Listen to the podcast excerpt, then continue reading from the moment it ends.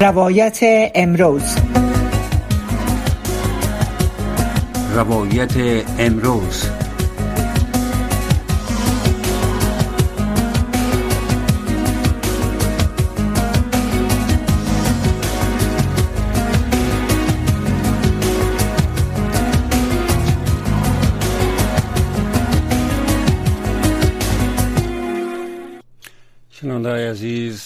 احد عزیز هستم سلام عرض می‌کنم و خوشحال هستم که با تقدیم برنامه روایت امروز در خدمت شما قرار دارم. روایت امروز به روایت حیرات اختصاص یافتم. همونطور که شما در اخبار شنیدین زلزله متحشه در حیرات اتفاق افتید. تعداد زیاد تلفات جانی و مالی در پی داره. تعداد تلفات زیاد شده میره. زخمی ها هم تعدادش زیاد است. چون تعداد زیادی از قربانی ها هنوز در زیر آوار هستند و بیرون کشیده نشدن. وزارت دولت در امور رسیدگی به حوادث طالبا از آغاز روز یک شنبه تا بال چندین بار ارقام زد و نقیز درباره تلفات ارائه کردن. سخنگوی ای وزارت چاشت روز یک شنبه گفت که تلفات بسیار زیاد است و هر لحظه زیاد شده میره ما برای تحلیل از این که چطور از حوادث ناگوار که البته جلوگیری نمیشه آفات طبیعی کوشش شود که تلفات کم شود چی چیزایی لازم است؟ مثلا زلزله یک آفت طبیعی است که از وقوعش جلوگیری نمیشه ولی چطور امکان داره که از از تلفاتش کاهش بیافه کاهش داده شود و چطور امکان داره که به مردم آگاهی داده شود آگاهی رسانی در چین مواقع چقدر مهم است؟ برای تحلیل از این موضوع و بخصوص در مورد وقوع زلزله ها در مجموع در افغانستان ما از جناب نجیب اوجن وزیر فواید عامه سابق ریاست جمهوری افغانستان. وقتی که جمهوریت بود دعوت کردیم در برنامه ما اشتراک بکنن. ما مشکل فکر می‌کنم تکنیکی داریم که از استودیو نمی‌تونیم با ایشان رخ شیم همین لحظه ما با ایشان از طریق واتساپ ارتباط گرفتیم. ایشان با خود داریم. جناب انجینر سب اوژن نجیب الله اوژن بسیار تشکر ممنون از لطفتان که در برنامه سهم گرفتین و در این باری بسیار تخصصی شنونده از ما معلومات میتین. موضوع امور رقمه که شنونده از ما عرض کردم و برای شما قبلا عرض کرده بودم. سر آمادگی و یا جلوگیری از تلفات بسیار زیاد در آفات طبیعی به خصوص زلزله است. شما در مورد تخصص دارین شما در مورد مقالات بسیار زیادی نوشتین.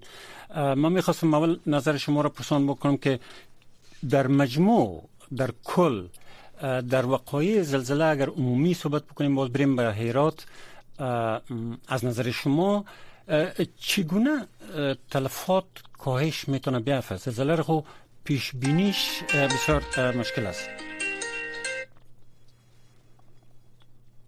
بله انجینیر صاحب شما ما رو میشنوین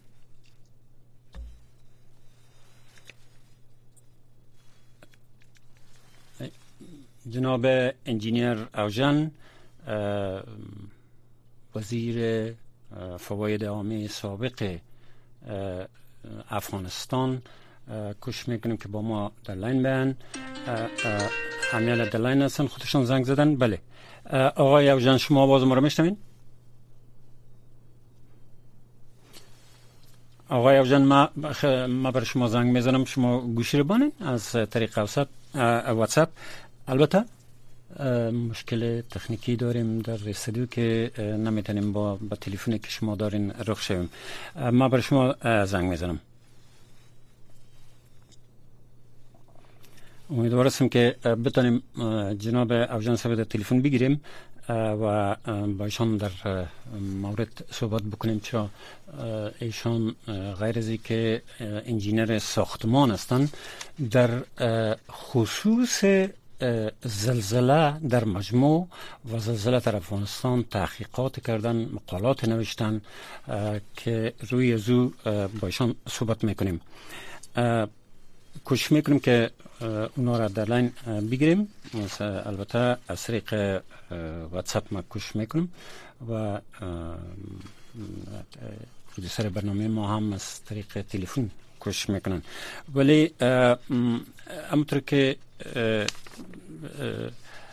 شما شنیدین در اخبارم داشتیم زبیلا مجاهد سخنگوی حکومت طالبا به نقل از ارقام ریاست رسیدگی به حوادث طبیعی ولایت ایران گفته که بیش از دو هزار نفر در نتیجه زلزله آخر در هرات جان باختن. آقای مجاهد روز یک شنبه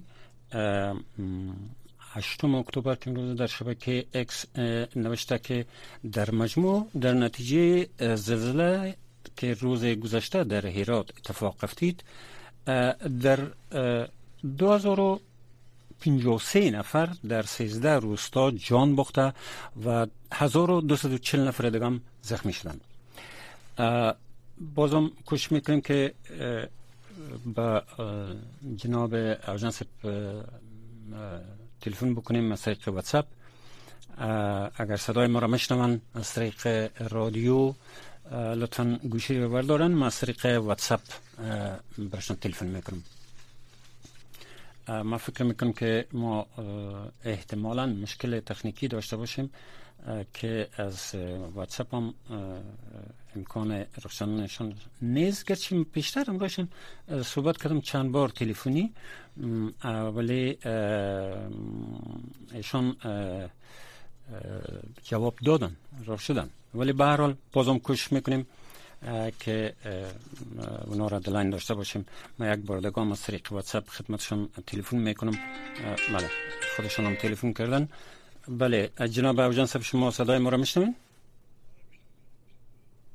بله جناب اوجان صاحب؟ بله میشنم دقیق میشنم بسیار تشکر از لطفتان ببخشید که نقص تکنیکی احتمال است. از استودیوس که با شما نتونستیم به موقع گچ ما امروز شما از طریق تلفن واتساپ شروع کردم در امور رقم که صحبت کردم در آغاز امیدوارم شما صدای ما رو شنیده باشین. در مورد زلزله بسیار شدیدی که در هرات واقع شده صحبت می‌کنیم و ای که چطور امکان داره که این زلزله ها تلفاتش یعنی پیش بینی شود کاهش داده شود نقص تلفات بیشتر بسیار زیادی که در هیرات اتفاق افتید و هنوز معلوم نیست زیاد شده میره.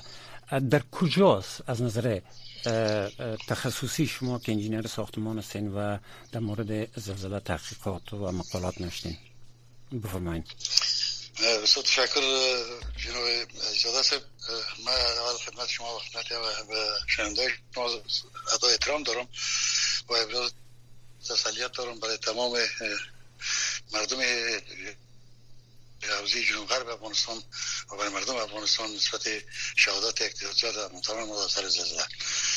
سوال واقعا بسیار جامع و کلی هست. جواب دادن از یک چیز وقت لازم دارم و کوشش می‌کنم که خلاصه تر خدمت شما عرض بکنم. اول میریم سر خود زلزله هرات. زلزله که در هرات واقع شده در نقشای زلزله‌ای افغانستان اگه شما ببینید زلزله هرات یک درجه پایینتر شده شان دادش از زلزله های کابل و زلزله بدخشان و یارابات اینا. اما در مجموع اما یک تعداد از متخصصین تا به عقیده بودن که در ایراد زلزله نمیشه. اما ما به خاطر ما تمام ساختمان های دولتی که دیزاین می‌کردیم در ایراد مقابل هفت بار زلزله به درجه به سیستم مرکلی در دیزاین می‌شد حالا وقتی که شما به زلزله سه سه هدف سه موضوع باعث از که ما در حیرات زیاد تلفات داشته باشیم. اول خود زلزله ازی که زلزله که در اینجا واقع شده محراق از بسیار در ارتفاع بالای در سطح زمین است 10 یعنی کیلومتری است.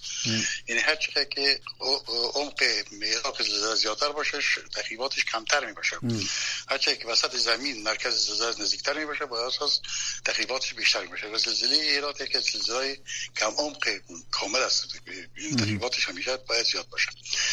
و دوم موضوعی که از خانه های ایرات که شما به خاطر داشته باشین اکثرا گنبدی هستند خود سیستم های گنبدی و یا و یا کمانی که ما میگیم یعنی در شکل گنبد داره به بله. شکل طولانی بله. یعنی کمان میگیم را اینا کل اینا این ساختمان است که هر چقدر که ارتفاع از یعنی شاه از زیاد می‌باشه اما قدر در مقابل قوای عمودی مقاومت زیاد بالا میره در مقابل قوای افقی مقاومت زیاد کمتر میشه این ساختمان ها معمولا آسیب پذیر است در, در مناطق زلزله‌ای دوم خود موضوع دوم خود سیستم ساختمانی در اوجه است همین که سالها گفته شده که در زلزله است مردم کاملا به شکل ساختمانی به شکل بسیار ابتدایی در ساخته شده از خشت خام است و از پخسه است و بله. پخسه ها مگر اینا مطابق هم شاید شما ما زلزله کابل شما ببینید ساختمان کابل کلش از خشت و چیزای بیره های چوبی اونا کار گرفته اما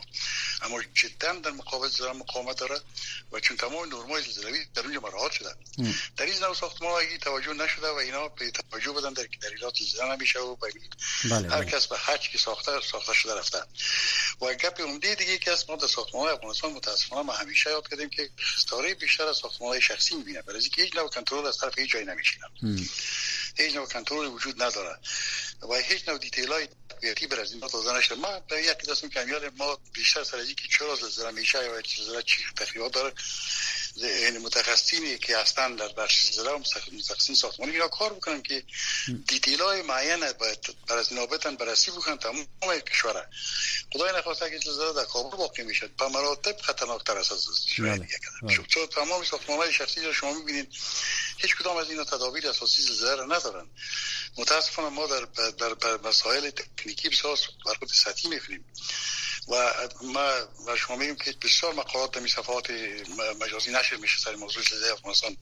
اما در عمل هیچ کس توجه نمی‌کنه که یک گام برای بیهوده از بردارن و این حادثه هرات هم که یکی از قصصی است که ما آگادی آمه نداریم برای این کار.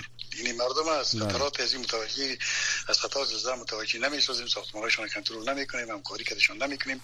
هر کس هر دلش شده از سنگ ساخت اینا شد. این سبب از این میشه که ما تلفات زیاد داشته باشیم. شما در ایران اگه ببینید عین ساختمان در اونجا گنبد چپه شده ساختمان چپه شده پایش یک ساختمان که حداقل تایی زلزله را تجدید نظر گرفته شده یا داره و نمو ثابت پا جا مثال خود ایران تخریبات آبخوده کم است به خاطر اینکه ساختمانش اصلا حداقل همون چیزای ابتدایی زلزله داشته و دارن. دیگه به این اساس است که ما بله. جناب اجنس اداره زمین شناسی ایالات متحده گفته که مرکزی این زلزله در شمال غرب ولایت هرات بوده. و هفت پس لرزه به شدت بین 4.6 و 6.3 درجه به مقیاس ریکتر بله. این ولایت تکان داده. و گفتم شده که مرکزی زلزله در 40 کیلومتری شهر هرات موقع دارد آیا اگر زلزله که به گفته شما در هرات کمتر واقع شده همیشه یا انتظارش برده نمی که در هرات به این شدت زلزله شود از پس لرزه ها می‌تونن مردم آگاه بسازن که ممکن است ای پس لرزه های هم داشته باشه که از تلفات جلوگیری و مردم در جای امن براین و, از طرف دیگه سوال دیگه است که شما سطح زلزله را در هرات گفتین. چطور و چرا در در هرات افتید البته از سوال دو سوال همجایی بر شما گذاشتن تا شما معلومات بدین. سوال دوم شما در ایران زلزله نشان داده شد تمام نقشه سیسمیکی افغانستان نشان داده شد اما مردم به این باور نبودن که میشه زلزله میشه. شدت زلزلهش بس در درجات زلزله سابق در سیستم مرکلی در افغانستان محسوب می‌شد که سیستم بال است. رشتر رشتر مطالعات بیشتر عمیق‌تر سر داره ما امکانات عزیز نداریم که بله. و بال رشتر در افغانستان محاسبات جدید انجام بدیم. بله. چرا؟ به خاطر اینکه مطالعات میراقای زلزله خود اصلا نداریم. یعنی اینا که نباشه ما همیشه به اشتباه حرکت می‌کنیم. اما زلزله که در ایرات هست در ایرات منطقه زلزله خیز است و یک بخش از است که همینطور اگه شما نقشه را افسوس که به چیز باشه که در روی نقشه هم بزنن نشان بدن که در کجا زلزله است چه کدام سمیه از کدام تیر میشه مرکزی همی که در 40 کیلومتری ایرات است. واقعا همین خط اگه شما در نقشه ببینید واقعا از طرف شمال شرق شمال غربی هرات هم چیز گذاشته. و ما روی یکی از کمربندهای سیسمیکی بسیار فعال جهان قرار داریم. و شما می‌بینید که ما در خط هستیم که سلسله یعنی کمربندی که ما روی ازو قرار داریم کمربندی که از, از شمال هند شروع میشه می‌تونه از طرف پاکستان ایران افغانستان ترکیه تا تا ایتالیا ادامه دارد بله. و این ادمی خط شما می‌بینید که همیشه زلزله بسیار شدید است بله. و تخریبات از این فوق خطرناک است خدای نخواسته در افغانستان چون ما بسیار به توجه هستیم اگر ما توجه نکنیم خطرات بسیار بسیار زیادی بله. برای مردم ما مواجه است در ماه مارچ هم زلزله بسیار شدیدی شده بود انجینر صاحب در ماه مارچ هم در ماه مارچ هم. زلزله شده بود که به شدت 6.5 درجه به مقیاس رکتر بود که مناطق در افغانستان و پاکستان تکان داد بله؟ بله بله بله واقعا است. این من میگم که شما سر موضوع یعنی تکانهای ابتدایی و تکانهای اصلی و تکانهای بعدی یعنی فور شوک و خود شوک است و آفتر شوک است. بله. که در اینجا در یکی از خطرات یکی از گپای بسیار عمده که در زلزله چیز واقع شده در زلزله ایرات است که همین آفتر شوک معمولا پیش فور شوک بسیار کمتر است خود شوک قوی تر است و شوک هم کمتر است. اما علت تخریب در زیادترش به قیده مگیست که یکی از عوامل شربت یک از عواملش است که همین سه شوک که از شدتشان با هم مشابه هستند. این شوک اول تعمیر دولت آمادگی و تخریب می‌سازد. شوک دوم کاملا تخریب و شوک سوم هم جایی که مانده او تخریب می‌کنه. یعنی افتر شوک و فور شوک و خود شوک در اینجا تفاوتش فوق العاده کم بوده. یعنی 6 است و 5 اشاره 8 است و 5 اشاره چند است بله، یک بخشش. این خودش یکی از عوامل عزیز که در اینجا دو عامل اصلی خود طبیعت زلزله باعث شده که در تخریبات زیاد باشه که خود کم بودن عمق محراق زلزله و شدت زلزله و این خودش سه شوکی که هستن تفاوت شوکا. و دیگه شو نمیست که ما از مواد طبیعی خود درست استفاده نمی‌کنیم. هیچ نوع ولی گفته شده که در با, با معذرت که صحبت شما را قطع کردم ولی گفته شده که در ساختمان های تازه جدید هم که ساخته شده هم تخریب شده در سر از تلفات هم به وجود آمده آیا هیچ نوع ساختمان باید آباد نشه بدون ارزیابی از نظر زلزله سنجی به نظر شما در افغانستان آیا امکان داره؟ امکان ما چرا ما امکانات داریم. یعنی شما یک ساختمان دولتی ما تجربه داریم که در وقتی که ما موجود بود ساختمان دولتی تحت یک کنترل منظم انجیری قرار داشت. در مقابل زلزله نظر به زلزله منطقه دیزاین می‌شد. خاکا تست می‌شد تنها موضوع زلزله تابع خاک هم است. خاک خراب باشه در در منطقه تخریبات زلزله بیشتر می‌باشه. یکی از عوامل امکان داره در منطقه خاکشان درست نباشه. اینا باید کلش در اون که آبای زیرزمینی سرزی تاثیر داره نوعیت خاک تاثیر داره موقعیتش دامنه ها سرزی تاثیر داره. این عوامل بسیار مختلف است که اینا باید کلش مطالعه شه و ساختمان اجازه اعمار داده شود و ما ایره باید دولت ایره تدابیر بگیره. نرم و استانداردهای ما نداریم. نرمای زلزله نداریم. مطالعات زلزله‌ای اصلا یک بخشش که قبلا صورت گرفته بود سیستم در از طریق وزارت معادن و ترمان و کدام انکشاف بعدی داده نشده. ما زونینگ های زلزله اختصاص دقیق نداریم. ما میگیم که در اینجا این زلزله است. اما زون زلزله با تابع شرایط جیولوژیکی منطقه میشه. ما در در ایران میگیم هفت بال است. درست است. اما در یک جای ایران امکان داره همیشه 8 بال باشه در یک جای دیگه 8 بال باشه در یک جای 7 بال باشه. نظر به طبقات زمین فرق می‌کنه. زیر ساختمان است. بله. خود شدت زلزله طول موج اگر زلزله به موج طول موجش است. طول موج است. چه که خاک خراب باشه طول موج افقی زیاد میشه. وقتی که طول موج افقی زیاد شد تخریبات زیادتر میشه. بله بله. یعنی به می اساس بله. بله یعنی در ولایت هرات این چند بار پس لرزایی که آمد امیدوار دیگه نباشد و امیدوار دیگه نبه شما امکان زیر می‌بینین که خدا نخواسته باز پس لرزی بیا و مردم برزی که مردم مسترس قرار گزارش که ما داریم از ولایت ایراد مردم مسترس به خانه های خود نمیرن اساس لرزه ها که باز دوباره اتفاق نفته و اونو تلف نشن زلزله زلزله خب کسی که مردم زلزله پیش بینی شده نمی‌تونه زلزله در مجموع پیش بینی شده در که نقاط زلزله تثبیت است که در کدام نقاط زلزله میایه بله. اما فقط زمان زلزله پیش بینی شده نمی‌تونه کدام زمان واقع میشه.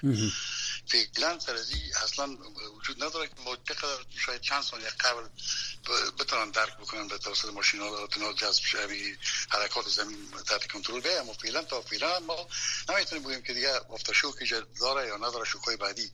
بسیار امکان پذیر شما یک دیوار وقتی که چپا می‌کنین می‌بینین همیشه شوک ما براتون تشکیل می‌کنیم و بله. شوک چی هست؟ مثلا مثال یک دفعه یک طبقه حرکت زمین است مسئله تکتونیکی زمین است. حرکات طبقات است که یک بروی دیگه میره از شکست های زمین است. یعنی شما وقتی که یک چیز که حرکت میتین یک دفعه یک تو تا یکش میفته باز کلش میفته باز باز یک تعداد اضافیش در دیوال مونده باشه باز اونها چپا میشه. یعنی خود امی حرکت امی شوک امی مفهوم داره. یک فاستاس نه شدیدتر میشه باز شدیدتر میشه. یا امی هستی شوک مثل که در ایران دو ساعت چون کم از 5 شاره چند از 6 شاره 3 و 5 شاره 8 است. یعنی این دو شوک کاملا عین شدت مساوی داشته. و این باعث از این میشه که زیادتر تخریب شه و برای مردم چانس کمتر فرار بده. بله بله. زلزله را گفته شده که در 40 کیلومتری هیرات واقع است. البته دایره که انتشار یافته مرکزش ولسوالی زندجان ولایت هیرات بوده. ای اینی به حساب شما مرکز زلزله که میگین ای قابل پیش بینی نیست اتفاق میفته حتی در هرات در جایی که کمتر مردم فکر می‌کنه که زلزله است. یعنی در مجموع در افغانستان یک کشور است که همیشه زلزله در گذشته ها واقع شده و واقع میشه. چطور میشه که از تلفات بیشتر کاش بفهم مثلا یکی خو نوع ساختمان است که شما تشریح کردین که البته او دیگه حکومت افغانستان باید در این مورد تصمیم بگیره که کسایی که خانه آباد می‌کنن با استانداردهای زلزله سنجی برابر باشه. ولی اقتصاد مهم است. یک کسی که خانه از گل می سازه توانایی شاید نداشته باشه که از کنکریت بسازه. این یعنی در, در مجموع در افغانستان شما این حالات چگونه فکر می‌کنین بهتر شوه یعنی بهتر به منایزی که تلفات کاهش بفر تلفات کاهش با دو چیز یکی آگادی چیز آمیانه آمیانه یا برای مردم باید باشه آگاهی برای مردم باشه. مردم بفهمن که خطرات زلزله چی هست. بله. و بعد از اون ضروری نیست که ما بگیم که تو از گل نساز. سالها از گل ساخته شده از گل اما گل باید برای خود ساختمان های گیری یا خشت خام یا پخته اینا هم تدابیری لازم برای خود دارن که اینا تقریبا می‌تونن مقابل زلزله شما میگیم همین ساختمان های کونه شهر کابل بله. کل صدمات بسیار واقع شده زلزله پغمان که واقع شده. شما در حدود 500 سال قبل 5 سال قبل زلزله پغمان در بابرنامه و زلزله بود که وقتی واقع شد مسیر دریا تغییر خورده بود. زمین چاک شده بود که در اون باره که ما بسنجیم به 8 درجه به 8 بال مطابقت می‌کنه تخریباتش چون در واسه سنگ نبوده. اما تقریباتی که داشته بود مسیر دریا تغییر می‌خوره کواب میلغزن درخت ها از ایشه میبراین این تشریش ده که نه زلزله شده در پغمان. یه خودش خودش نشان میده که نمی همین زلزله در اوج واقع شده اما باز زلزله‌ای که در ساختمان های دیگه که در چندین سال دیگه زلزله شده کار سال زلزله شده. اما این ساختمان که شما می‌بینیم سال صبح صبح که چوب و کلو اینا ساخته شده در در شهر کونی کابل. بله. هیچ نوع صدمی تا این سراغ هایی که اندازه کلکین به اندازه دیوال یک چیز داره که چقدر از دیوال باید باشه که بتونه زلزله رو بگیره کلکین چقدر باید باشه. و ما مشکل ما یک دیگه هم شده که ما سیستم ساختمانی ما زندگی ما به شکل ثابت است. اما یک دفعه میریم به طرف اصلی بودن بدون از اینکه تغییرات اصلی بودن ساختمانی رو بگیریم یک دفعه کلکین از یک متر در یک متر می‌سازیم به چهار متر در سه متر. این حال چی می‌کنه این خلاهایی که به وجود میاره ساختمان رو ضعیف نیست. دوم در امی شما در امی گنبدا ما دیدم که تا 80 سانتی یک متر گل بالای زیسته بله. این که سال هر سالی را کاگل می‌کنن و کاگل می‌کنن کاگل می‌کنن کسی نیست بهشون بگه که اول تراش کنید کاگل کنین این بالاخره زیاد میشه شو. خوی زلزله متناسب با کتله هست. هر چقدر واقعا زیاد باشه اما قدر خوی زلزله سرزو زیادتر عمل می‌کنه. شما یک ساختمان چوبی کمتر تخریب میشه نسبت به یک ساختمان گرنگ کرده بله. یعنی او باید بسیارتر تقویه شود. ساختمان های کنکریتی بسیار تقویه قویتر نسبت به ساختمان های فلزی یعنی به این اساس است که ما آگادی ما بسیار بسیار ضعیف است در این بخش ها با برای مردم باید دیتیل های معین بسازیم برای ساختمان های سنگ خیشتیشان شما همین پخش هایی که در ولایت وردک کار میشه شما که در که برین از دیوار های جنا تثبیت است پخشی که زده میشه به کدام اندازه است. یعنی کل از این جایی که سوراخ ها موندن چوبا و رقم سرجی قایم قایم کردن در باز جای بیراه دادن. یعنی اونا یه میره آگاهانه تخصصی کار می‌کنن. اما متاسفانه در ایران میره که مدیدم هیچ چیزی نیست. یعنی شما در گلکارای ما یک زر مثل دارن که قفل می‌کنن. می آخر گنبد که میایه بله. نقطه که رو وصل می‌کنه قفل میگن. و در کمان هم دو طرف که از دو طرف بالا میشه در نقطه وسط که یک جا میشه برای قفل کمان می‌کنن. یعنی قفل اگر مشکنه وقتی زلزله حرکت می‌کنه به دو جانب حرکت می‌کنه. می قفل وقتی که شکست دیگه این رقم یک کانتریور کار می‌کنه. اونم که چپه میشن. یعنی اگر ما برای زیاد تدابیر معین بگیریم در اینجا رو تقویه بتیم میشه توسط بله. توی دیرای هزار مواد دیگه طبیعی رو ما حتی من می‌تونم که ما مواد گل بخصا اینا استفاده نکنیم برای زلزله خوب نیست. اما همون باید تقویه شود همون باید مطابق معیار کار شود. یعنی برای از این کار ضرور است که واقعا ما متخصصین ما در افغانستان کل ما شامل هستیم. کم کار کردیم. کمتر توجه کردیم. یعنی بیتر آگاهی کمتری مردم داره. آگاهی کمتر است. مردم خودی ایش اصلا چیز نمی‌فهمن. چی می‌فهمن بیچاره؟ باید باید دولت در این پروگرام های وسیع داشته باشند و ایره قبلا هم نوشته کردیم از 5 سال 6 سال پیش در کنفرانس ایراد کردیم که تا زمانی که ما کمیت سر سر کنترل ساختمانی نداشته باشیم ما هیچ نوع چیز کم ساخته نمی‌تونیم خطرات جانبی ولی حکومت دیگه به همکاری مردم هم از, از شباد داریم از طوفان داریم از از سیلاب داریم. کل از این موضوعات که است که برای هر کدام از یک مکتب داره یک دانش داره یک یک, یک سیستم داره. باید سیستم رو متقیه بکنیم تا بتونیم از این حادثات جلوگیری کنیم. در غیر صورت که خدای نخواسته همیشه تکرار شده نیست. من براتون میگم که کابل خطرناکترین حالت در ساختمان‌های بر منزل ساختیم به اکثرشان. من همین کلشون هم اقتدارات اینا در مقابل اصلا دیزاین نشده. ساختمان شخصی خب حتی خودخانه‌های خودمون دیزاین نشده. یعنی وقت ما در حال ختم شدن است انجین یعنی به عنوان سوال آخر و نتیجه گیری اگر بکنیم که در کدام مناطق زلزله خطرناکتر است؟ مناطق کوهستانی و یا مناطق هموار؟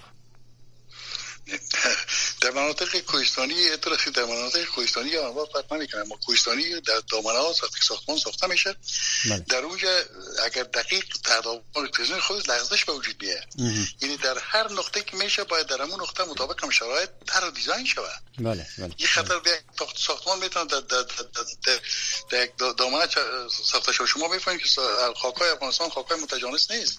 غیر متجانس است. وقتی شما گراف یک یک منطقه را می‌کنید با شش نوع خاک در شش سطح مختلف مواجه میشین. بله لحاظا این باید دقیق تداول متضمن می‌کنیم سر اساس های ارتجاعی بزنیم بسیار کلی که این کپایست که بسیار است بسیار زیاد ممنون از حضورتان در برنامه.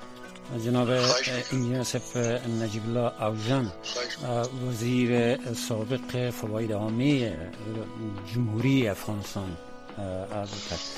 امیدوار شما را در برنامه آینده هم داشته باشیم. خواهش می‌کنم. شما تشکر. زنده باشید خواهش می‌کنم. داره برنامه بعدی ما برنامه صدای شماست. برنامه خود شماست. که البته می‌تونین تلفن بکنین. تلفن شماره تلفن همکارم با شما اعلان می‌کنه و شما می‌تونین تلفن کنین ما از صرف شما